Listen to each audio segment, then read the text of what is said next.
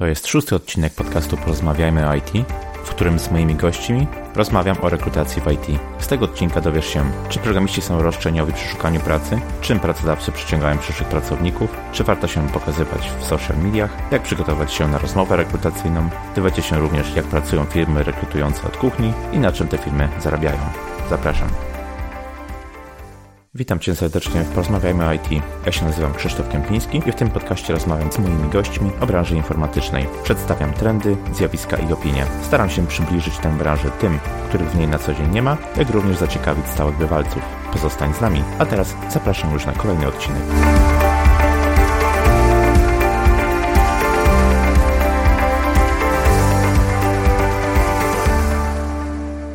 Cześć, witam Was serdecznie w kolejnym odcinku podcastu Porozmawiajmy o IT. Dzisiaj moim i Waszym gościem, a właściwie gośćmi są Olga Zielińska i Łukasz Olechnowicz. Olga, Łukasz, cześć, witam Was serdecznie i dzięki, że zgodziliście się wystąpić. My bardzo serdecznie dziękujemy za zaproszenie. Przyjemność po mojej stronie. Olga pracuje jako Recruitment Team Manager w firmie Dynamites Posiada wieloletnie doświadczenie w HR i rekrutacji w IT. Prywatnie jest fanką podcastów, co się dodatkowo tutaj ceni. Łukasz natomiast pełni rolę CEO firmy Dynamite, działającej w branży rekrutacji IT. Na wcześniejszych stanowiskach zdobył bogate doświadczenie biznesowe związane ze strategią, HR, prowadzeniem projektów. Współtworzy bloga No Food No Mood, który traktuje o dobrym jedzeniu i podróżach. A dzisiaj tematem rozmowy będzie rekrutacja w IT. Pierwsze pytanie miałbym do Łukasza jako do osoby, która właśnie pełni rolę CEO. Dlaczego na rynku są firmy specjalizujące się w rekrutacji e, w IT, w takim wąskim temacie, jakim jest IT, a nie ma na przykład firm specjalizujących się w innych e, branżach? Dlaczego ta branża IT jest taka specyficzna i szczególna? Przede wszystkim dlatego, że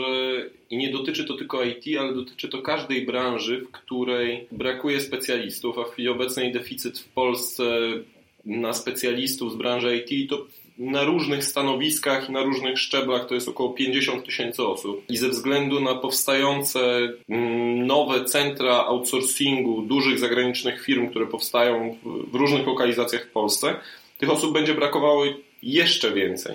A w związku z tym, że tych osób brakuje, firmy, które mają zapotrzebowanie na tych specjalistów, nie chcą ponosić coraz to większych kosztów rekrutacji, tylko wolą outsourcować tą usługę do firm, które specjalizują się w takich, e, dostarczają tych usług i w tym wypadku akurat usług rekrutacyjnych. Jeżeli spojrzymy na IT i generalnie na e, sytuację na rynku, to tak naprawdę już mamy nie tylko firmy, które specjalizują się w dostarczaniu osób, czyli mm, specjalizujące się w rekrutacjach, ale także mamy już firmy, które zajmują się poza standardowym cyklem, poza standardowym cyklem edukacji, czyli poza uczelniami wyższymi, e, edukować e, nowe kadry, czy to programistów, czy to testerów i dostarczać ich na rynek. Czyli tak naprawdę musielibyśmy szerzej na to spojrzeć powiedzieć, że firmy takie jak nasza specjalizują się w tym, żeby dostarczyć osobę niezależnie z jakiego źródła. Czy będzie to osoba z Polski, czy z zagranicy, czy będzie to osoba, którą, jeżeli mówimy o juniorskich stanowiskach,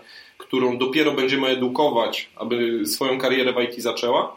My się specjalizujemy w tym, żeby klientom dostarczyć y, zasoby, których on potrzebuje. Tutaj można powiedzieć, że to rynek tak naprawdę dyktuje taką, a nie inną sytuację i zapotrzebowanie na właśnie programistów, czy szerzej specjalistów z branży IT powoduje, że powstają właśnie takie firmy jak wasza, które to lukę gdzieś powiedzmy zapełniają i starają się dostarczyć tych specjalistów, prawda? Dokładnie tak. Takich firm jak nasza też jest coraz więcej, ponieważ to zapotrzebowanie jest y, coraz większe, ale miejsce na rynku jest, jest, jest, jest bardzo dużo. A teraz miałem z kolei pytanie do Olgi. Jaka jest różnica z Twojego punktu widzenia, ponieważ masz szerokie doświadczenie e, w rekrutowaniu właśnie specjalistów z IT? Jaka jest różnica w rekrutowaniu administratorów, programistów, testerów, czy też później wyżej kadry menedżerskiej? Czy, czy w ogóle jest jakakolwiek różnica? Jest, jest jak najbardziej. Przede wszystkim e, programiści są najbardziej pożądaną grupą e, specjalistów na rynku.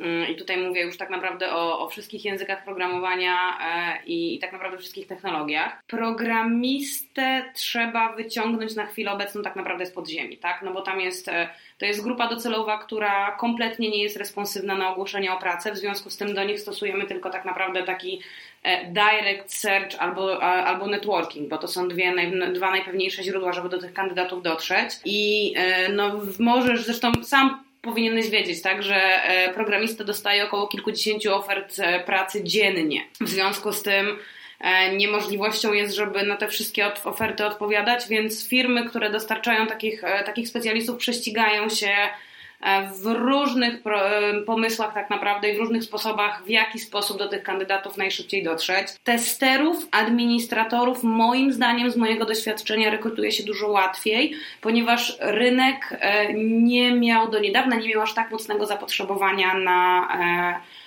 na te specjalizacje. Mam, nadzieję, mam na myśli tutaj, że dużo więcej było zapotrzebowań na programistów Java, .NETA, E, niż na, e, niż na testerów. Mówię tylko o rekrutacjach, z którymi ja miałam styczność. W przypadku kadry menedżerskiej, kadrę menedżerską rekrutuje się troszeczkę inaczej, ponieważ e, to jest grupa docelowa, która nie jest tak bombardowana ofertami pracy na skalę, tak jak są programiści. To jest grupa docelowa, która odpowiada na ogłoszenia. To jest grupa docelowa, którą można dużo łatwiej wyciągnąć z direct searchu niż, niż programistów. Często spotyka się też na uczelniach różnego typu targi pracy, czy tego typu eventy, które mają za zadanie wyciągnąć już tych młodych e, specjalistów. I czy takie firmy jak wasza również tam sięgają, docierają już tak wcześnie? E, znaczy wszystkie firmy tak naprawdę, które potrzebują specjalistów o, o, różnym stopniu, tak jak najbardziej zaczynają swoją przygodę z uczelniami. Przede wszystkim e, tam możemy pozyskać narybek, tak? czyli osoby, które mają już jakieś lekkie doświadczenie w, w tworzeniu, e, w wytwarzaniu oprogramowania. Dodatkowo też jest współpraca z biurami karier, tam targi pracy, targi kariery jak najbardziej też. Natomiast uczelnie mają swoje też biura karier, gdzie do niedawna jeszcze można było, ja przynajmniej do niedawna korzystałam z tego i e, można było tam rzucić swoje ogłoszenia, natomiast to też jest konkretna grupa docelowa, tak? I jeżeli potrzebujemy juniorów, potrzebujemy osoby z mniejszym doświadczeniem komercyjnym, albo tak naprawdę osoby, które dopiero chciałyby pozyskać jakieś doświadczenie komercyjne, to tak, jak najbardziej tak. Na uczelniach zaczyna się już poszukiwanie. No tak, to faktycznie bardzo wcześnie. Teraz miałbym pytanie do Łukasza. Jak to jest z modelem biznesowym takiej firmy jak e, wasza? Na czym taka firma zarabia? Pytanie do ciebie jako do osoby, która jest CEO i na co dzień gdzieś na tym styku biznesu działa. Czy jest to jakiś jeden model, czy też może każda firma wypracowuje swój sposób? Tak naprawdę mówimy o dwóch modelach. My specjalizujemy się i skupiamy się głównie na outsourcingu kadr, czyli de facto zatrudniamy specjalistów u siebie, outsourcujemy ich z jakimś narzutem z naszą marżą do, do klientów końcowych, ale oczywiście zdarzają się też typowe projekty rekrutacyjne i w typowym projekcie rekrutacyjnym, gdzie to klient zatrudnia daną osobę, jest prowizja w wysokości iluśkrotności ustalonej y, wynagrodzenia danej osoby. Są też modele, y, są też modele dodatkowe, czyli e, z niektórymi klientami mamy takie umowy, że za przedstawienie kandydata są też dodatkowe opłaty, ale jednak najczęstszym modelem jest albo marża na outsourcingu, albo prowizja od wynagrodzenia w przypadku zatrudnienia bezpośredniego kandydata. Ale czy to musi jak gdyby nastąpić pewien minimalny okres przepracowania przez tą osobę pewnego okresu czasu, prawda, w firmie, y, żebyście mogli dostać prowizję, czy, czy gdyby na samym początku już ta prowizja jest, jest dla Was uruchamiana? W większości wypadków y, klient opłaca fakturę w momencie, kiedy kandydat rozpocznie pracę, czyli faktura pojawia się pierwszego dnia pracy y, danego specjalisty. Jeżeli mówimy o rekrutacjach stałych, czyli klient zatrudnia daną osobę, ale mm, z większością klientów y, są też podpisywane umowy gwarancyjne, czyli jeżeli dany kandydat się nie sprawdzi albo zrezygnuje z tej pracy, to my klientowi na to miejsce y, dostarczamy w takim razie inną osobę już bez dodatkowej opłaty. Czy w związku z tym programiści, no teraz skupiam się na tych programistach, ponieważ Olga na początku wspomniała, że to jest taki główny target, ale tutaj mamy jak gdyby na myśli szerzej ludzi e, z branży IT. Z racji na to, że obecnie obserwujemy rynek pracownika, prawda? Zdecydowanie brakuje rąk do pracy, o czym też na początku wspomnieliście. Czy w związku z czym programista może pozwolić sobie na no, bycie powiedzmy roszczeniowym i, i narzucanie warunków, czy też na no, oczekiwania rzeczy, których normalnie nie mógłby sobie pozwolić, prawda? Czy reprezentuje tak, zwany, tak zwaną postawę primadonny w szukaniu pracy? Czy macie z tym do czynienia e, na co dzień? O to chciałbym Łukasza zapytać. Tutaj trzeba wyróżnić dwie rzeczy, bo po pierwsze na pewno sytuacja i zachowanie kandydata jest zupełnie inne w momencie, kiedy stoi pod ścianą i nie ma żadnej oferty i wziąłby każdą, którą, mm, którą by dostał, a sytuacja jest zupełnie inna w, dzisiaj, gdzie, tak jak Ola powiedziała wcześniej, jest nawet kilkadziesiąt ofert dziennie, więc na pewno ta sytuacja jest inna, ale nie powiedziałbym, że programiści są roszczeniowi, raczej powiedziałbym, że wiedzą dokładnie, jakie mają oczekiwania związane ze zmianą pracy. I dotyczy to zarówno projektów, jakie chcieliby realizować, zespołów i firm, w jakich chcieliby pracować, dokładnie wiedzą, czego chcieliby się w nowej firmie, w nowym zespole nauczyć, wiedzą, jakich benefitów mogą oczekiwać, jakby są bardzo świadomi tego i bardzo konkretnie zarządzają swoją ścieżką kariery. Oczywiście zdarzają się osoby, które są roszczeniowe, ale to, ale, ale to chyba w każdej branży. Mhm. To, co zauważamy, to to, że klienci nie chcą z takimi osobami pracować. Coraz więcej klientów na powyżej kompetencji typowo programistycznych czy kompetencji typowo technicznych stawia również kompetencje miękkie i Kluczowym aspektem e, w chwili obecnej jest to, czy dana osoba będzie pasowała do zespołu i czy będzie umiała wpisać się E, w kulturę organizacyjną firmy, a dopiero na drugim miejscu oceniane są kompetencje techniczne. Bardzo fajną rzecz powiedziałeś, że klienci nie chcą pracować z takimi osobami, które są właśnie roszczeniowe. Nawet wewnątrz branży IT, wewnątrz branży programistycznej obecnie jest taki trend, żeby właśnie oddolnie, że tak powiem, walczyć e, z taką, z taką postawą, która gdzieś tam psuje obraz całej, e, całej branży i uważam, że jak najbardziej powinniśmy właśnie napiętnować takie, takie, zachowania, pomimo rynku pracownika, jaki teraz jest. No, oczywiście należy być e, fair w stosunku do przyszłego pracodawcy, ponieważ no, nie wiadomo, kiedy sytuacja się odwróci. Olga, miałbym do Ciebie pytanie. Obecnie widzimy taki trend, że coraz więcej ludzi przechodzi do branży IT z różnych branż. Ja na przykład, będąc programistą, pracowałem z ludźmi, którzy e, kończyli polonistykę, filozofię, fizykę techniczną, prawda? Mm, czy, czy Ty również w swojej pracy obserwujesz właśnie taki trend i co może za tym stać? Czy to właśnie te um, wyobrażenie o jakichś dużych e, zarobkach, jakaś stabilność e, pracy e, za tym stoi? Czy co, co jest tutaj powodem, dla którego ludzi, ludzie się przebranżawiają i przechodzą do IT? Wiesz co, tak naprawdę tutaj powodów może być kilka. E, na pewno e, przeświadczenie o tym, że e, w IT zarabia się bardzo dużo i że ta branża nie zniknie jest. Jest obserwując rynek, obserwując to, co się dzieje, obserwując jak bardzo dużo szybko i jak szybko zwiększa się liczba firm poszukujących specjalistów, firm outsourcingowych i tak naprawdę non-stop jest zapotrzebowanie na specjalistów ze strony klienta trochę to e, jest tym poddyktowane, tak? No bo wiadomo, że stawki w IT windują i e, jeżeli klient jest potrzebny, no to klient zapłaci za taką osobę, tak? Bo, bo musi mieć specjalistę. Mm, natomiast to też może być związane z tym, e, że no w Polsce każe nam się wybierać tak naprawdę karierę i ścieżkę życiową w wieku 18-19 lat i to już jest tak, że no, no musisz iść na studia, tak, bo musisz mieć zawód, musisz mieć, nie wiem, papierek. Natomiast ja sama wiem po sobie, że e, stojąc tak naprawdę na progu dorosłości, tak, mając do wyboru, stoi, stoi ci nad głową tak naprawdę myśl, że musisz wybrać sobie zawód, w którym chciałbyś się odnaleźć albo w którym będziesz, będziesz pracował i nagle po paru latach czy po skończonych studiach okazuje się, że nie do końca to jest to, więc to może być też podyktowane tym, że po prostu ludzie próbują, szukają. Jeżeli miałbyś, nie wiem, zmieniać na, e, zastanawiać się, czy pójść e, na kierunek, który nie do końca może ci zapewnić wyżywienie i utrzymanie rodziny, a z drugiej strony masz IT, gdzie jesteś pewien, że ta praca przez jakiś najbliższy okres będzie, jesteś pewien, że umiejętności, które nabędziesz, nie, będziesz mógł wykorzystać później dalej, to myślę, że tak, Trochę to tak w tym jest też, bo to jest mimo wszystko pewność. No tak, zdecydowanie. Zwłaszcza, że w różnych mediach e, często słyszy się właśnie namawianie do studiowania na przykład tych kierunków technicznych czy przechodzenia do, do IT. Oczywiście nie ma w tym jak gdyby nic złego.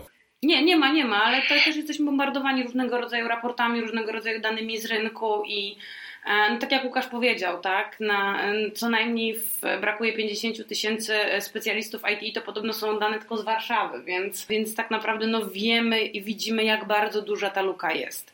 Co prawda wiemy też i zdajemy sobie z tego sprawę, że tej luki nie da się wypełnić w ciągu roku, bo mimo wszystko trzeba poczekać na to, osoby się wyszkolą, ale E, fajnie jest widzieć, jak młody człowiek chce tak naprawdę rozwijać się i ważniejsze są dla niego właśnie te umiejętności takie techniczne i ciągła nauka i ciągłe doskonalenie swoich umiejętności, niż to, żeby miał, e, nie wiem, wygodną, bezpieczną posadkę, tak, i, i przez najbliższe 15-20 lat siedział sobie za biureczkiem, bo do końca takiej pewności nie mamy zawsze, nie? Jest jeszcze jeden aspekt. Wcześniej pytałeś o to, czy firmy szukają y, kandydatów już na uczelniach. I prawda jest taka, że w branży IT w chwili obecnej większość studentów zaczyna pracować już nawet tak. na pierwszym roku studiów. Czyli de facto to nie są jeszcze specjaliści, to są osoby dopiero na początku swojej y, kariery zawodowej. Więc wszelkiego rodzaju programy związane z przekwalifikowaniem osób, czy, czy po filologii, czy nawet mm, po kierunkach okołoinformatycznych, bo jest bardzo dużo absolwentów matematyki, fizyki, czy jakichś innych kierunków technicznych, y, gdzie nawet podstawy programowania y, w trakcie tych studiów się pojawiają. Przekwalifikowanie tych osób w jakimś okresie, na przykład 5, 6 czy 7 miesięcy, y, powoduje, że te osoby są na podobnym poziomie, jeżeli chodzi o wiedzę, jak osoby na pierwszym roku studiów informatycznych, które zaczynają na pierwszym czy na początku drugiego semestru już pracować. Łukaszu, wobec tego powiedz, czym firmy przyciągają ludzi do branży IT? Jakie dodatkowe benefity oprócz pensji e, są oferowane? No to tutaj rywalizacja pomiędzy firmami jest taka, że sky is the limit. Dokładnie. Firma, jedna z dużych firm z siedzibą w Trójmieście zrobiła zjeżdżalnię z wyższych poziomów na niższe w swojej siedzibie. E, czyli można sobie dwa piętra zjechać taką dużą zjeżdżalnią, jaką kojarzymy z akwaparków. Tylko woda tam nie leci. Mm, benefity w postaci kart medycznych czy y, benefity sportowe to już jest taki standard, to jest że, must. że to już nawet przestał być tak. must, bo zarobki weszły na taki poziom, że jak to kiedyś było fajne i modne, to w chwili obecnej dasz mi to, to super, tak? To wszyscy dają. Nie dasz mi, no to zarabiam tyle, że jakby sam sobie to wykupię, więc tak. to już nawet przestał być. W chwili obecnej firmy się prześcigają zupełnie innymi rzeczami. E, dopłaty do, e, dopłaty do wakacji. Lunche e, bezpłatne. Bezpłatne lunche. Akcje hmm. firmy można wykupić po okazyjnych, po okazyjnych stawkach. Są pakiety leasingowe dla pracowników którzy mogą sobie wziąć samochód w leasing, tak, pod, pod, pod firmę i, i mieć dużo korzystniejsze warunki tego wszystkiego. Dodatkowo y, masaże raz w tygodniu, bo też znam firmy, w których taki benefit jest, więc tych benefitów jest coraz więcej i tak naprawdę tutaj nie ma już żadnych ograniczeń i co firma, to, to, to nowe pomysły. Tak. Ale co ciekawe, y, coraz więcej firm patrzy też na to, żeby dawać dodatkowe benefity pracownikom, popularyzując przy okazji na przykład zdrowy e, tryb życia. Znam firmy, które dają dodatkowe kilka dni urlopu dla osób, dla osób które nie palą. To myślę, że to jest taki kierunek, który tak. będzie, będzie też dynamicznie się rozwijał. Tak, poza tym jeszcze też odchodzimy troszeczkę od takiego utarcia, że w pracy człowiek musi spędzać 3 czwarte roku życia i coraz więcej firm też e, stosuje politykę work-life balance. W związku z tym też te elastyczne godziny pracy, możliwość czasowej pracy zdalnej i tak dalej, to też jest czasami e, fajne i, i pomaga kandydatowi tak naprawdę w wyborze, bo mimo wszystko elastyczność ze strony pracodawcy też jest wskazana w przypadku zatrudniania profesjonalistów. No tutaj muszę powiedzieć, że wiele z tych profitów, o których mówiliście, o nich słyszałem, ale niektórymi, z niektórych nawet, nawet ja jestem zaskoczony pomimo wielu lat e, branży. Łukasz powiedział, sky is the limit i tyle ile jest osób, tyle jest pomysłów i jeżeli jest ktoś to w stanie wyegzekwować, to świetnie. W siedzibie Google, jak byłem parę lat temu, to oprócz y, restauracji, to restauracji z prawdziwego zdarzenia, były tam chyba 4 czy 5 restauracji, w których codziennie pracownicy mogą jeść ile chcą za darmo i przyprowadzać też gości z zewnątrz. Po prostu się tam wchodzi i, i, i jest nieograniczony dostęp, po świeżo wyciskane soki, takie miejsca, gdzie robią ci koktajle i świeżo wyciskane soki, tak naprawdę na każdym większym korytarzu taki punkt się znajduje, po y, już aspekty sportowe, czyli na przykład basen na terenie siedziby, jakieś korty tenisowe, więc tego typu rzeczy się tam y, y, znajdują i myślę, że to jest tylko kwestia czasu, aż zaczną być wprowadzane na rynek polski. To, co jest też ciekawe w Google, Google postanowił dać jeden dzień w tygodniu do dowolnego wykorzystania y, dla pracowników. Czyli jeżeli pracownik ma pomysł na nowy projekt, nowy produkt i jest to zupełnie coś y, niezwiązanego nawet z jego codzienną pracą, to może na to poświęcić 20% swojego y, czasu w firmie musimy się umówić koniecznie na nagranie kolejnego odcinka podcastu związanego z, ty, z, tym tematem, bo to na pewno będzie bardzo ciekawe dla słuchaczy. A z tym, z tym piątkiem, który może być na przykład poświęcony, czy też no, jeden dzień tygodnia, który może być poświęcony na swoje projekty, to wiem, że firma Nozbi w Polsce stosuje właśnie takie, takie piątki e, dłuższego czasu i wiem, że to się bardzo dobrze sprawdza, także no, myślę, że coraz więcej firm zacznie w tym kierunku iść. Są firmy, które testowo próbują wprowadzić 6-godzinny dzień pracy. Tak jak wiemy, Szwecja jest w tym na razie e, liderem, tak, bo oni, oni, oni byli wprowadzić ten projekt pilotażowy. Wiem, że firmy w Polsce też próbują e, i, i obserwują, w jaki sposób tak naprawdę wpłynie to na efektywność, bo to może mieć tak samo fajne korzyści, znaczy fajne skutki, jak i, e, no wiadomo, tak, e, ze strony pracodawcy każdy dzień e, czy też każda godzina krócej, no to jest ewidentnie zysk. Ale spróbować nie zaszkodzi. OK, teraz chciałbym przejść bardziej do takich tematów związanych z Waszą codzienną pracą, e, z tym, jak właśnie działają firmy rekrutujące w IT. I Olga, miałbym do Ciebie pytanie, jakich narzędzi, technik, portali tego typu rzeczy używasz do szukania kandydatów i gdzie ja na przykład jako programista powinienem mieć swój profil, żebym mógł być przez Ciebie znaleziony? Powiem chyba jak każdy rekruter w pierwszej kolejności LinkedIn. Narzędzie które jest wykorzystywane maksymalnie w pracy, w pracy codziennej rekrutera. Jest to tak naprawdę pierwsze pierwsze źródło pozyskania kandydatów. Dodatkowo standardowo na metody direct searchowe, tak? Albo to już kontakty własne, bądź przez networking. Wszelkiego rodzaju social media, jeżeli się pojawia aktywność y, odpowiednich kandydatów, to również. Ja wykorzystuję Facebooka na przykład do, y, do, do, do rekrutacji, grupy facebookowe. Wykorzystujemy różnego rodzaju fora dla programistów czy dla administratorów. Tak naprawdę wszędzie tam, gdzie tworzy się społeczność grupy docelowej, do której chcemy dotrzeć. E, wiem też, że e, niektóre firmy wykorzystują e, Twittera, niektóre firmy wykorzystują Instagrama. Niektóre firmy zaczynały, zaczęły wykorzystywać Tindera również do, do prowadzenia różnych swojego rodzaju akcji. Mm, jeżeli mają responsywność i docierają do grupy docelowej i realizują projekty świetnie, tak? No, w tym momencie przez niedob, nie, tak naprawdę nie, niedobór e, specjalistów i, i wieczne, wieczne niedosycenie rynku, no my musimy się już łapać tak naprawdę wszelkich możliwych sposobów i być bardzo kreatywni nieraz w tym, w jaki sposób e, trafić do kandydata. Bo trafić do kandydata nie zawsze jest trudno, najtrudniej jest go pozyskać i to jest ten clue. No z tym Tinderem to ciekawa sprawa. A wspomniałaś o, o, o, social, o social mediach. Czy na przykład analizujecie kandydatów pod względem jego aktywności, czy w, w, różnych social mediach, tak? Czy ważne jest to, żeby jego profil był powiedzmy spójny w, w, różnych, w różnych social mediach? Czy to ma jakiekolwiek znaczenie? Znaczy, jeżeli mówimy o profilu zawodowym, no to jeżeli LinkedIn jest, bądź profil na GitHubie i tak dalej, to to wystarczy, tak? E, niemniej jednak wiem, że są firmy, które robią e, całkowite prześwietlenie kandydata pod kątem właśnie social mediów. E, mnie też, przyznam, zdarzyło się niejednokrotnie wygooglować kandydata i zobaczyć, jakie wyniki wyskoczyły, natomiast nie stosuję jeszcze, dodam jeszcze, bo nie wiem, jak będzie dyktował rynek, nie stosuję jeszcze prześwietlania takiego kandydata w pełni, że sprawdzam Instagram i Facebooka, czy też wszystkie inne aktywności, które są w sieci. Natomiast wiem, że są firmy, które, e, które to praktykują na co dzień i wiem też, że są firmy, które proszą na przykład o udostępnienie swojego profilu, żeby zobaczyć, jak to wygląda. Ale rzadko się to zdarza na tak. stanowiskach takich mocno technicznych. Tak. Również dlatego, że y, naszego doświadczenia y, większość osób w IT nie prowadzi bujnego życia tak. na mediach społecznościowych. Oczywiście są wyjątki, ale ciężko znaleźć informacje o programistach czy, czy, czy administratorach, tak. którzy prowadzą jakiś nie wiem, profil na Instagramie, czy, czy, czy bardzo bogaty profil na Facebooku. Tak, Raczej czy, się to zdarza rzadko. Czy Snapchaty i tak dalej. Natomiast jeżeli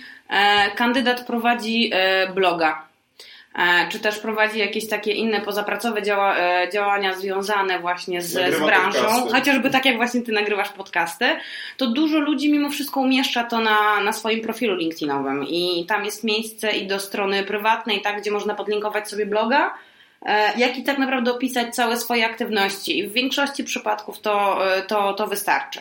No tak, faktycznie. Ja też traktuję LinkedIn jako takie swoje centrum dowodzenia, jeżeli chodzi o e, profil zawodowy i linkuję do różnych innych aktywności. Myślę, że myślę, że wiele osób robi podobnie. A no właśnie, tutaj już zahaczyliśmy, Olga, o temat tego, czy prowadzenie bloga, kanału na YouTube i innych e, aktywności e, takich online'owych, bądź też offline'owych, typu organizacja jakichś spotkań branżowych i tak dalej, czy to też ma znaczenie i jest brane pod uwagę, czy w jakikolwiek sposób to analizujecie? To jest zawsze fajnie, e, mile widziany, tak? No bo wtedy e, mam pracodawca przede wszystkim, potencjalny pracodawca widzi, że osoba oprócz związania zawodowego z, z IT jest również tam pasjonatem tak, tej branży i, i aktywnie udziela się. W związku z tym też przypuszczamy, że śledzi nowinki, jest zaangażowana, wie co się dzieje i, i po prostu jest wartością dodaną tak, do, do, do przedsiębiorstwa. Natomiast wymóg konieczny absolutnie to nie jest. Tak sobie jeszcze pomyślałem, to co przed chwilą e, Łukasz wspomniałeś, że niekoniecznie powiedzmy e, programiści czy ludzie z, czy też ludzie z IT prowadzą jakieś bujne życie w social mediach, to być może wynika z tego, że nie muszą, tak? Nie muszą się w ten sposób jak gdyby starać o pracę i tak tej pracy jest wystarczająco, wystarczająco dużo. Super. E, Olga, to miałbym jeszcze kolejne pytanie. Na jakiej podstawie ty oceniasz, czy też wybierasz kandydata? Czy takie rzeczy jak właśnie doświadczenie zawodowe, wykształcenie, jakieś zrealizowane certyfikaty, kursy, projekty. Co tutaj jest ważniejsze, na co zwrócić uwagę przy, przy budowaniu na przykład y, CV? Wiesz co, z mojego punktu widzenia jako osoby rekrutującej najważniejsze są wymagania klienta I, i te wymagania klienta muszą być, e, muszą mieć przełożenie tak naprawdę w doświadczeniu kandydata w związku z tym, że jeżeli klient wymaga certyfikatów, no to oczywiście te certyfik na te certyfikaty również się zwraca uwagę. Natomiast jeżeli klient nie wymaga certyfikatów, a kandydat certyfikaty ma, świetnie, bo to również działa na jego korzyść. Tak pamiętajmy o tym, że branża ta należy do e, bardzo zwinnych, tak? Kandydat musi się dokształcać, musi się rozwijać, musi inwestować w swoje umiejętności, żeby po prostu nie wypaść z obiegu, tak? Wiemy o tym, że dla większości e, osób w IT najważniejszymi rzeczami właśnie jest praca z nowymi technologiami technologiami, tak? Większość osób chce pracować mm, w deweloperce, nie w utrzymaniówce, no, z wiadomych względów. W związku z tym e, jak najbardziej i doświadczenie, i wykształcenie, i certyfikaty.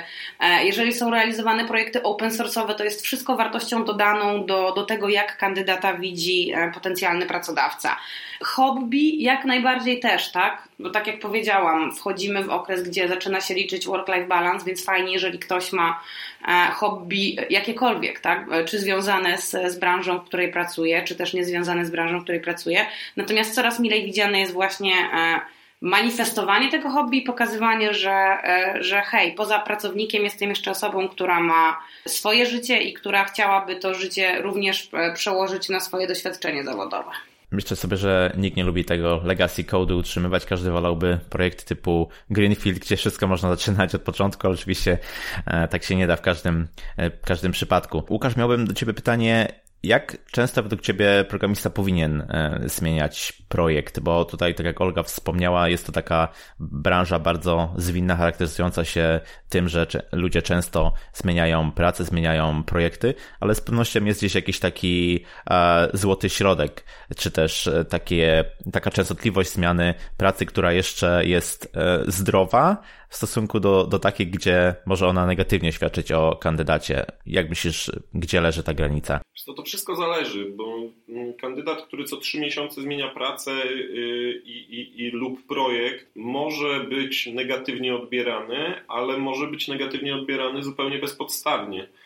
Ponieważ jeżeli akurat takie projekty tej długości miał, czyli miał bardzo, realizował bardzo małe projekty, kilkumiesięczne i był w tych projektach od początku do końca, to, to nie jest nic złego. Natomiast y, kluczowa kwestia, jeżeli ktoś wchodzi na większy projekt i co 3, 4, 5 miesięcy zmienia pracę, to już nam się zapala lampka. Nie tylko nam, także naszym klientom, jak oglądają profil danego kandydata. Myślę, że takim minimum, y, które ta lampka nie będzie czerwona, a, a, a będzie pomiędzy pomarańczową a zieloną, to już są projekty dłuższe niż rok czasu. A zmiana pracy co dwa lata, no to już jest y, taki standard, który na rynku obowiązuje i tutaj już nie powinno nikogo dziwić. Oczywiście mamy y, historie takie, że staramy się wyciągnąć kandydata po 8-9 latach mhm. pracy w danej firmie. I to są z reguły osoby, które mówią nam OK, ale my też musimy być pewni, że spędzimy czy u Was, czy u Waszego klienta kolejne 5, 6, 7 lat, bo chcemy wejść y, do firmy i chcemy wejść do projektów, które będą, czy może nie do projektów, bo projekty mogą się zmieniać, ale do organizacji, które będą stabilne. I mm, mamy też kandydatów, którzy mówią, ja mogę wejść na projekt dwumiesięczny i mi to też w zupełności odpowiada, za dwa miesiące znajdę nowy projekt. Więc myślę, że obydwie grupy osób są potrzebne. Kluczowe jest to, dlaczego następuje zmiana pracy.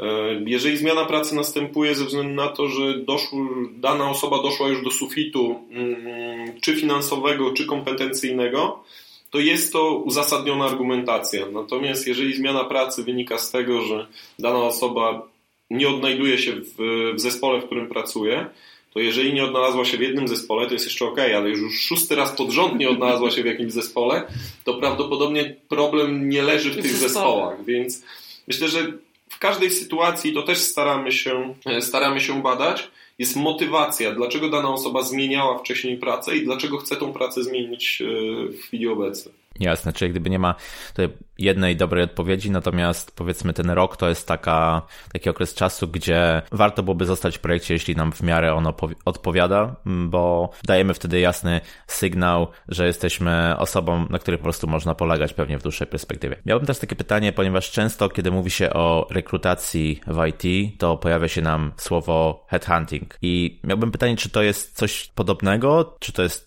to samo, czy, czy też może jest to pewna specyficzna technika czy podejście, które używacie i czy używacie e, headhuntingu właśnie mm, w stosunku do takich powiedzmy szeregowych programistów, czy też może do już kadry e, wyższego szczebla? Wydaje mi się, że headhunting jest bardzo szerokim pojęciem, które mówi głównie o tym, że to headhunter aktywnie poszukuje kandydata, aktywnie weryfikuje e, to, czy kandydat e, spełnia oczekiwania i to jeszcze zanim się do niego odezwie i odzywa się do tych wybranych i wyselekcjonowanych osób, które najlepiej pasują do, do stanowiska, na które poszukujemy.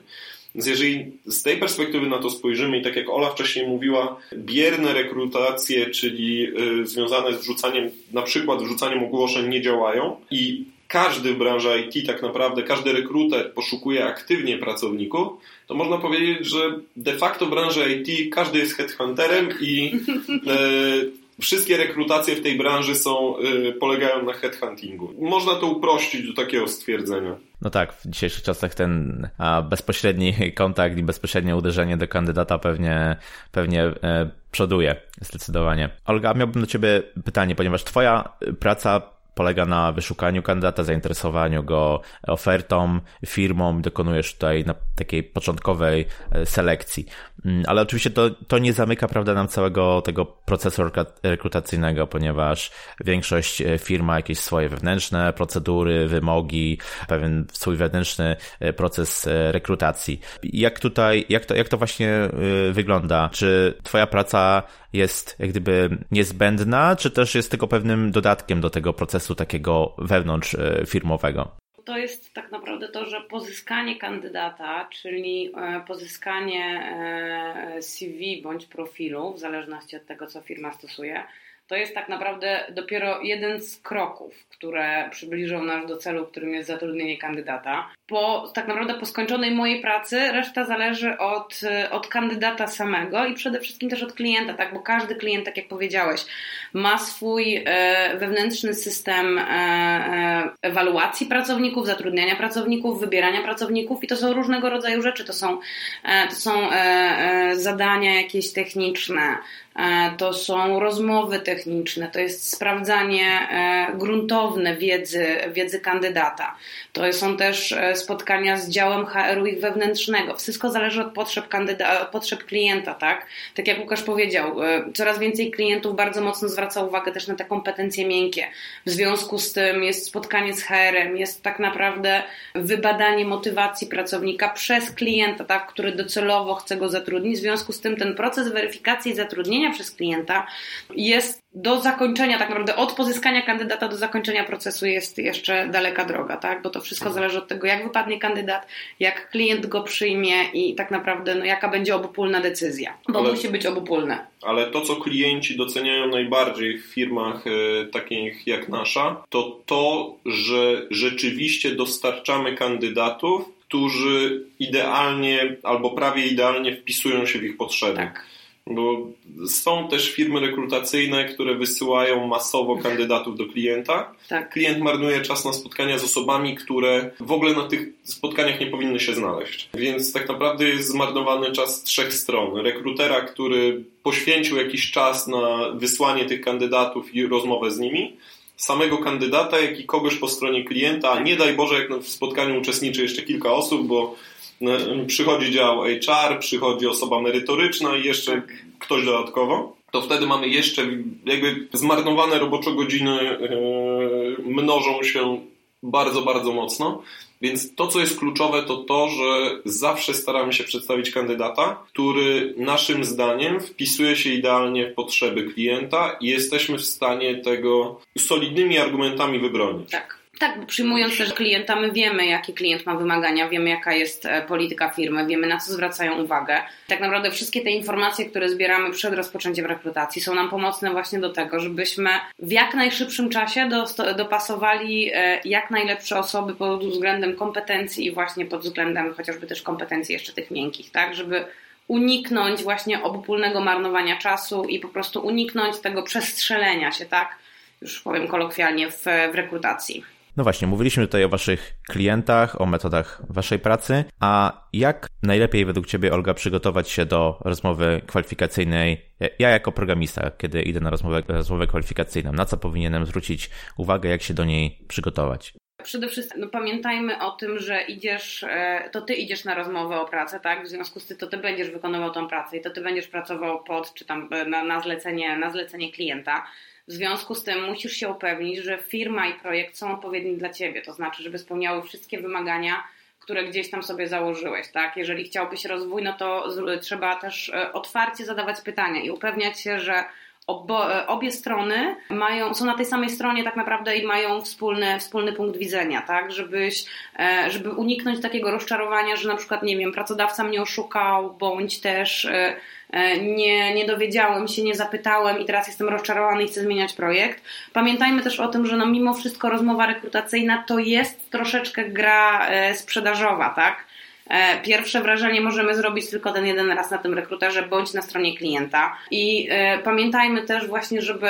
Nie mówię, że wszyscy kandydaci, absolutnie nie, natomiast zdarzają się sytuacje, gdzie właśnie kandydat e, traktuje e, siebie jako tak naprawdę nagrodę, którą może dać klientowi i troszeczkę źle jest to odbierane przez klienta, więc po prostu być naturalnym, być szczerym i jeżeli się czegoś nie wie, bądź jeżeli ma się pytania, to po prostu pytać. I tak naprawdę to jest chyba najlepsze, co mogę, najwięcej co mogę powiedzieć, bo po prostu, no pamiętajmy też, że rekruter też jest człowiekiem i klient też jest człowiekiem i rozmowa po prostu szczera, otwarta, człowiek versus człowiek jest najlepszą opcją, jaka może być.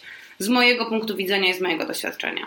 A czy powinienem wcześniej dosyć dobrze rozpoznać firmę, zrobić jakiś research na jej temat, czy też właśnie podczas tej rozmowy powinienem się dowiedzieć wszystkiego, co potrzebuję wiedzieć o firmie? Jak powiedziałam wcześniej, jeżeli rozmawiasz z rekruterem i rekruter cię kieruje na, e, na spotkanie powiedzmy z klientem, no to rekrutera obowiązkiem jest przedstawienie Ci profilu firmy, jest e, opowiedzenie o tym, jak wygląda kultura organizacyjna, e, jakie projekty są prowadzone, co jest dla klienta ważne, na co zwrócić uwagę, jakie tak naprawdę aspekty warto poruszyć, żeby mieć pewność, że potencjalna oferta pracy jest po prostu jak najbardziej dopasowana do nas. Także research wcześniej zawsze należy zrobić. E, ja też mam taką taktykę, że jeżeli wysyłam kandydata na, e, na rozmowę, to też zaznajamiam go z całym profilem firmy. Najczęściej jeszcze podlinkowuję e, stronę klienta, tak żeby kandydat też mógł na spokojnie po zakończonej naszej rozmowie zapoznać się dokładnie z profilem firmy i już na tym etapie w ogóle zobaczyć, czy chce w proces rekrutacyjny takiej firmy wejść. Myślę sobie, że tutaj z naszej rozmowy wynika, że ten rynek dla pracownika, rynek pracy jest no, bardzo sprzyjający, łagodnie mówiąc. Zastanawiam się, czy wasze e, zdanie na temat tego rynku jest takie, że on jeszcze długo będzie sprzyjał programistom, czy też może rychło e, widzicie raczej no, taki schyłek czy spadek tego rynku? Jakie jest wasze zdanie? Ja w ogóle przewiduję, że kolejną rewolucją, która nastąpi, będzie to, że programy same będą pisały programy. Tak. I w tym momencie będzie trochę inna rola e, programistów, a tak naprawdę dopiero tam, jak zacznie się to dziać, to zaczniemy się zastanawiać, jaka nowa rola będzie potrzebna, żeby tym administrować, tym zarządzać. I wydaje mi się, że z perspektywy czasu, jeżeli spojrzymy na 20, 20 parę lat w przód, a może to będzie dużo, dużo szybciej, tak naprawdę kluczowe będą aspekty miękkie, a nie techniczne, bo w chwili obecnej już coraz więcej rzeczy automatyzujemy i może ręki nie dałbym sobie uciąć, ale byłbym blisko, żeby powiedzieć, że automatyzacja w aspektach związanych z administrowaniem sieciami, związanych z budowaniem e, nowego oprogramowania, czy, czy, czy z testami oprogramowania, nastąpi szybciej niż się tego spodziewamy. I wtedy zobaczymy, w jaką stronę to pójdzie, natomiast na pewno będą ważne aspekty związane z e, zarządzaniem tym, z, z rozwojem. Już w chwili obecnej, e, jak rozmawiam na temat przyszłościowych zawodów, to bardzo często mówię, że to wcale nie jest programista, bo programista czy osoba w IT to jest zawód na dzisiaj, a nie zawód przyszłościowy. Zawód, który staje się przyszłościowy, tak trochę dygresja od dzisiejszego mm -hmm. tematu, ale zawód, który staje się przyszłościowy, to jest na przykład filozof i specjaliści do spraw etyki, ponieważ ze względu na wszechobecną automatyzację, yy, przez to, że mamy yy, samochody, które nie potrzebują kierowców, nagle pojawia się problem, E, związany z aspektami etycznymi. Jeżeli na przykład spojrzymy na ten samochód, to jeżeli samochód podejmuje decyzję, bo to jest też to jest jeżdżące oprogramowanie i, i jeżdżące algorytmy i on musi podjąć decyzję. Jeżeli nie może uniknąć wypadku, e, ale może wjechać e, w czteroletnie dziecko albo w pięcioletnie dziecko, to ten samochód musi tą decyzję podjąć tu i teraz. I teraz pytanie, która decyzja jest lepsza, w zasadzie każdy, może inaczej, która jest gorsza, tak? Wydaje mi się, że takich aspektów, nad takimi aspektami będziemy za chwilę się zastanawiać, a nie nad tym, czy Java, czy Ruby, czy jakakolwiek inna technologia jest technologią y, przyszłości. No zdecydowanie. Czyli rynek będzie po prostu ewoluował i ta dynamika, która jest naturalnie w niego wbudowana, myślę, że tak jak powiedziałeś, jeszcze nie raz da o sobie znać i pewnie nie raz będziemy tą e, ewolucję mieli okazję obserwować. Na pewno musimy być przygotowani na zmiany. Tak jest, to jest jedyna pewna rzecz, zmiana. Chciałbym z Wami jeszcze porozmawiać o kilku takich e, rzeczach związanych z tematami wokoło wynagrodzeń, bo to jest jeden z takich elementów, który rozpala, że tak powiem, e, ludzi i przyciąga e, do IT. I właśnie te dobre zarobki, mityczne dobre zarobki w branży IT. Myślę sobie, E, czy też chciałbym Was zapytać, czy to faktycznie tak jest, bo bardzo często widzimy różnego typu średnie czy słupki, które no, nie, nie pokazują konkretnych ofert, tylko są uśrednieniem całej branży, całego rejonu i tak dalej. Jak tutaj według Was to faktycznie wygląda? Czy każda oferta jest tak samo dobra, czy też one są różne w zależności od na przykład lokalizacji, firmy, doświadczenia? Czy te dobre zarobki to faktycznie są dobre zarobki? Możemy, tak wydaje mi się, że jeżeli ugeneralizujemy i powiemy, że dobre zarobki w IT są, to nie przestrzelimy, bo zarobki, zarobki w IT są dobre. Jeżeli chodzi o lokalizację, jak najbardziej, no najdroższa w Polsce jest Warszawa. I e, to są stawki e, różniące się o kilka tysięcy na stanowisku dokładnie tożsamym.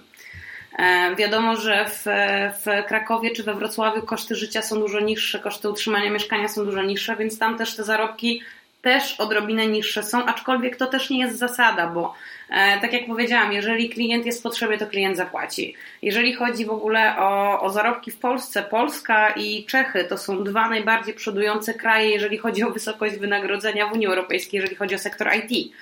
Mm, e, ja rozmawiając ostatnio e, z jednym ze swoich e, kolegów, dowiedziałam się, że Włosi są dużo tańsi niż, e, niż Polacy, gdzie kompetencje mamy podobne.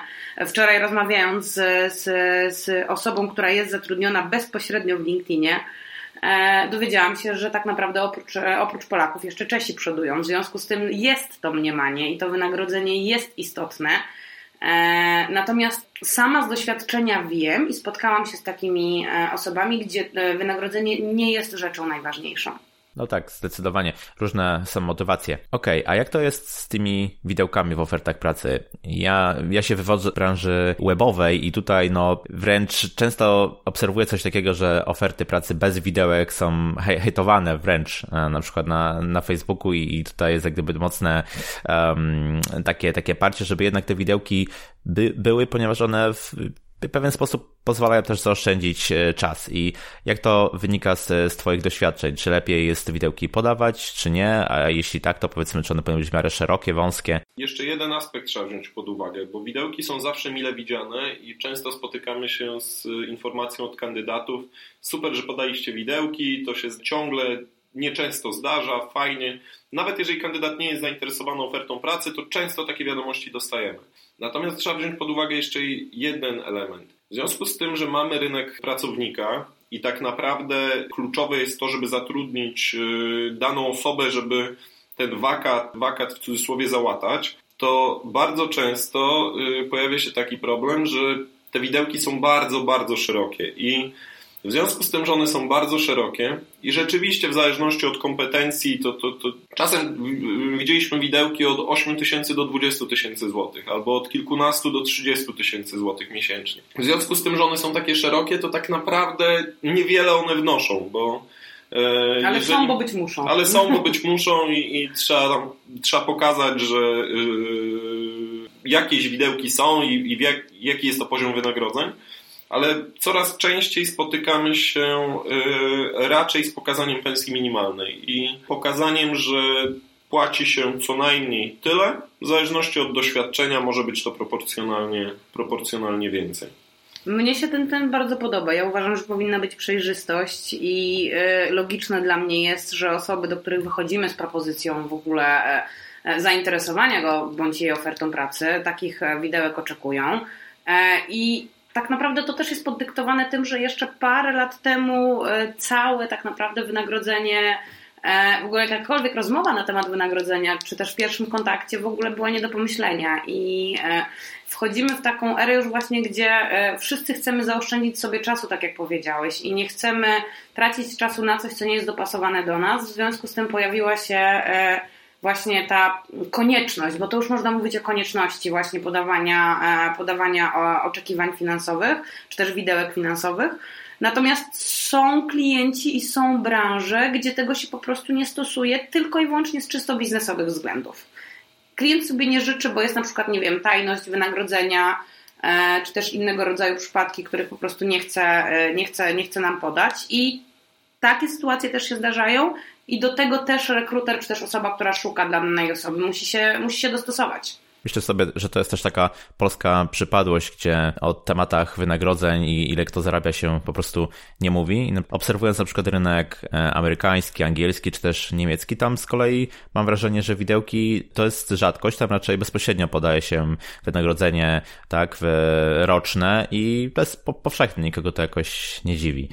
Obserwując różne oferty pracy, mam wrażenie, że coraz więcej tych ofert to są oferty typu, typu e, na fakturę, tak? Oferty, gdzie tak naprawdę firma rozmawia z firmą. E, czy też widzicie podobny trend i z czego to może wynikać? Jest różnie. Są firmy, które chcą konkretnie zatrudnić na umowę o pracę, są takie, które są otwarte na współpracę na podstawie B2B. Natomiast musimy pamiętać, że współpraca na B2B to jest współpraca firma-firma i coraz częściej słyszy się zatrudnienie B2B. To nie jest de facto zatrudnienie, jest to kontrakt, y, który rządzi się innymi prawami i w ten sposób na to trzeba patrzeć. Zakładamy jednoosobową działalność, jesteśmy w jakimś tam sensie przedsiębiorcą, nie takim, który zatrudnia dodatkowe osoby i rozwija tą firmę, ale jesteśmy przedsiębiorcą. Dzięki temu na rękę zostaje nam trochę więcej i to tak naprawdę głównie o to chodzi. E, i dlatego coraz więcej osób jest zainteresowanych współpracą na, na podstawie B2B. Koszty pracodawcy są e, minimalne. Koszty pracodawcy są minimalne, dla pracodawcy tak naprawdę na jedno wychodzi, czy on e, da kwotę X ze swoimi kosztami, czy on da taką samą kwotę netto na fakturze. Z punktu widzenia osoby, która zatrudnia się na podstawie umowy o pracę lub decyduje się na współpracę na podstawie B2B, to ta osoba zauważa różnicę, a nie pracodawca. Ale rzeczywiście coraz mm, więcej firm daje możliwość wyboru. Jest otwarta na to, że jeżeli ktoś chce współpracować z tą firmą na podstawie e, umowy B2B, nie ma najmniejszego problemu. Jeżeli ktoś chce pracować na umowę o pracę, też nie ma najmniejszego problemu. Ale to zatrudnienie B2B jest takie dosyć specyficzne w branży IT, bo te kontrakty, o których Łukasz wspomniałeś, bardzo często zawierają takie elementy przeciągnięte z umów o pracę, typu na przykład płatny e, urlop, czy jakaś e, opieka zdrowotna i tego typu rzeczy. Czy to też są te benefity, o których mówiliśmy, dodatkowe e, elementy, którymi pracodawcy kuszą pracowników? Powiem tak, no tutaj jest temat mocno niebezpieczny, jeżeli o to chodzi, dlatego że instytucje państwowe bardzo mocno interesują się takimi kontraktami, i, które przypominają umowę o pracę tak. i coraz częściej zdarzają się sytuacje, gdzie y, ZUS kwestionuje y, fakt, że była to umowa B2B y, i wstecz nalicza składki, no. ponieważ twierdzi, że de facto była to umowa o pracę, więc Rzeczywiście takie historie się zdarzają. My z kolei wolimy czysty temat i to, żeby stawka była wyższa, ale jest to rzeczywiście współpraca na zasadzie kontraktu i ktoś, kto decyduje się na założenie działalności, musi po prostu swoje ryzyka związane z chorobami czy urlopami uwzględnić w wynagrodzeniu i to wynagrodzenie może być po prostu proporcjonalnie wyższe ale traktujemy to jako współpracę de facto firma, firma i, i wychodzimy z założenia, że tak to powinno wyglądać. Podczas dzisiejszej rozmowy naświetliliśmy trochę Waszą pracę, jak ona wygląda, na czym polega, jakie narzędzia stosujecie. Gdybyście mogli powiedzieć, z jakimi trudnościami się spotykacie w swojej pracy, co jest największym problemem? I obecnie można powiedzieć o dwóch rzeczach. Jedna, o której powiedzieliśmy, czyli y, to, która jakby powoduje, że istniejemy i mamy pracę, czyli deficyt, y, deficyt programistów i, i rzeczywiście coraz e, to nowych e, sposobów musimy próbować, żeby, żeby tą lukę też u nas w zespole zapełnić. A druga rzecz to są e, przepisy i związane również z ochroną danych osobowych. Temat RODO, który jest teraz bardzo, bardzo głośny i popularny, powodują, że takie firmy jak nasza mają bardzo dużo ograniczeń i i to w pewnym stopniu też powoduje, że powoduje trudności w pozyskaniu kandydatów i, i pozyskaniu ich z, z, różnych źródeł, ponieważ y, niektórych rzeczy po prostu nie wolno zrobić. Natomiast y, myślę, że pewne ograniczenia są też dobre z punktu widzenia kandydatów, bo jeżeli postawimy się w roli kandydata, to, to, to pewne ograniczenia są ok. Myślę, że największą trudnością, jaka jest w chwili obecnej, to to jest ten deficyt na rynku polskim mhm. czy europejskim kandydatów, ale fajne jest to, że coraz więcej firm rozumie, że jest ten deficyt i są otwarci na nowe rozwiązania. Tak jak wspominałeś, y, przebranżawianie osób z zupełnie innych zawodów na branżę IT, transfer osób z zagranicy, i tu już nie mówię nawet o Ukrainie, która jest takim Też kierunkiem, który był. Wyczyszczona. Tak, Ukraina już jest praktycznie wyczyszczona, ale możemy spojrzeć na Białoruś, na Kazachstan, na Rumunię. Na Rumunię, y, chociaż Rumunia też już, y, tak. Rumunia bardzo fajnie rozwija swój rynek i, i, i oni też mają parę, to nie temat na dzisiaj, ale mają parę innowacyjnych przepisów, Mm, jak na przykład bardzo, bardzo niski podatek dochodowy dla branży IT, e, ale też Indie i jesteśmy coraz bardziej otwarci na to, żeby budować wielokulturowe zespoły i coraz więcej firm, nawet polskich, pracuje na co dzień po angielsku właśnie ze względu tak. na tą wielokulturowość, więc z jednej strony mamy e, trudności, z drugiej klienci i, i cała branża są coraz bardziej otwarci na to, żeby szukać nowych rozwiązań. E, Łukasz, wspomniałeś, że musicie gdyby imać się nowych metod niestandardowych, żeby pozyskać osoby do branży. Czy wobec tego jakie trendy widzisz obecnie na rynku rekrutacji w IT i czy te trendy muszą się dostosowywać do powiedzmy na przykład nowego pokolenia, które dopiero co e, wkracza na ten rynek? Taką kluczową kwestią w chwili obecnej jest przekwalifikowywanie i to rzeczywiście jest, to już nawet nie jest trend, a, a, a e, coś, co się dzieje, coś, co się dzieje e, codziennie i to jest taki element, który bardzo dynamicznie rośnie i osób przekwalifikowanych jest coraz, coraz więcej. Drugi to jest transfer kadr i to takich wyspecjalizowanych kadr z całego świata. Ja jakby w swoim najbliższym otoczeniu E, mam też e, historię związaną z tym, że osoby z Brazylii przyjeżdżają do firm IT w Polsce pracować, więc to już jest naprawdę cały świat. Ale takim trendem, który jest coraz bardziej zauważalnym, to firmy, które myślą długofalowo o zatrudnieniu pracowników, uderzają coraz, coraz niżej. I wcześniej mówiliśmy o pierwszym roku studiów, ale ja znam firmy, które współpracują z technikami i wysyłają swoje, swoich ludzi, którzy prowadzą lekcje w technikach informatycznych, po to, żeby te osoby nie szły na studia albo robiły studia zdalnie, a zaraz po tym technikum poszły do pracy, czyli osoby kończące, y, mające 19 lat już mają zapewnione zatrudnienie i, i, i, i zaczynają pracę. I idziemy w stronę tego, że patrzymy na osoby coraz młodsze, z drugiej strony, y, jeżeli spojrzymy na osoby też starsze, tutaj, jeżeli spojrzymy, mówimy o przekwalifikowaniu, to też bardzo często osoby, y, które z jakichś powodów straciły swoją pracę, w której pracowały przez x lat, w chwili obecnej i są otwarte na przekwalifikowanie, też mogą się na tym rynku y, odnaleźć. A brakuje tematów związanych z automatyzacją y, pewnych działań, bo tutaj nas trochę ograniczają, ograniczają przepisy związane z ochroną danych osobowych ale powstaje coraz więcej rozwiązań na, y, między innymi na rynku amerykańskim, które automatyzują poszukiwanie kandydatów i są ze boty. względu, tak, są boty, które poszukują idealnych kandydatów i tak naprawdę rolą rekrutera jest porozmawianie z tą osobą. Są też boty, y, które rozmawiają z kandydatami i wykonują pierwszą pracę związaną z tym, żeby opowiedzieć kandydatowi o ofercie pracy i pozyskać od niego kluczowe informacje.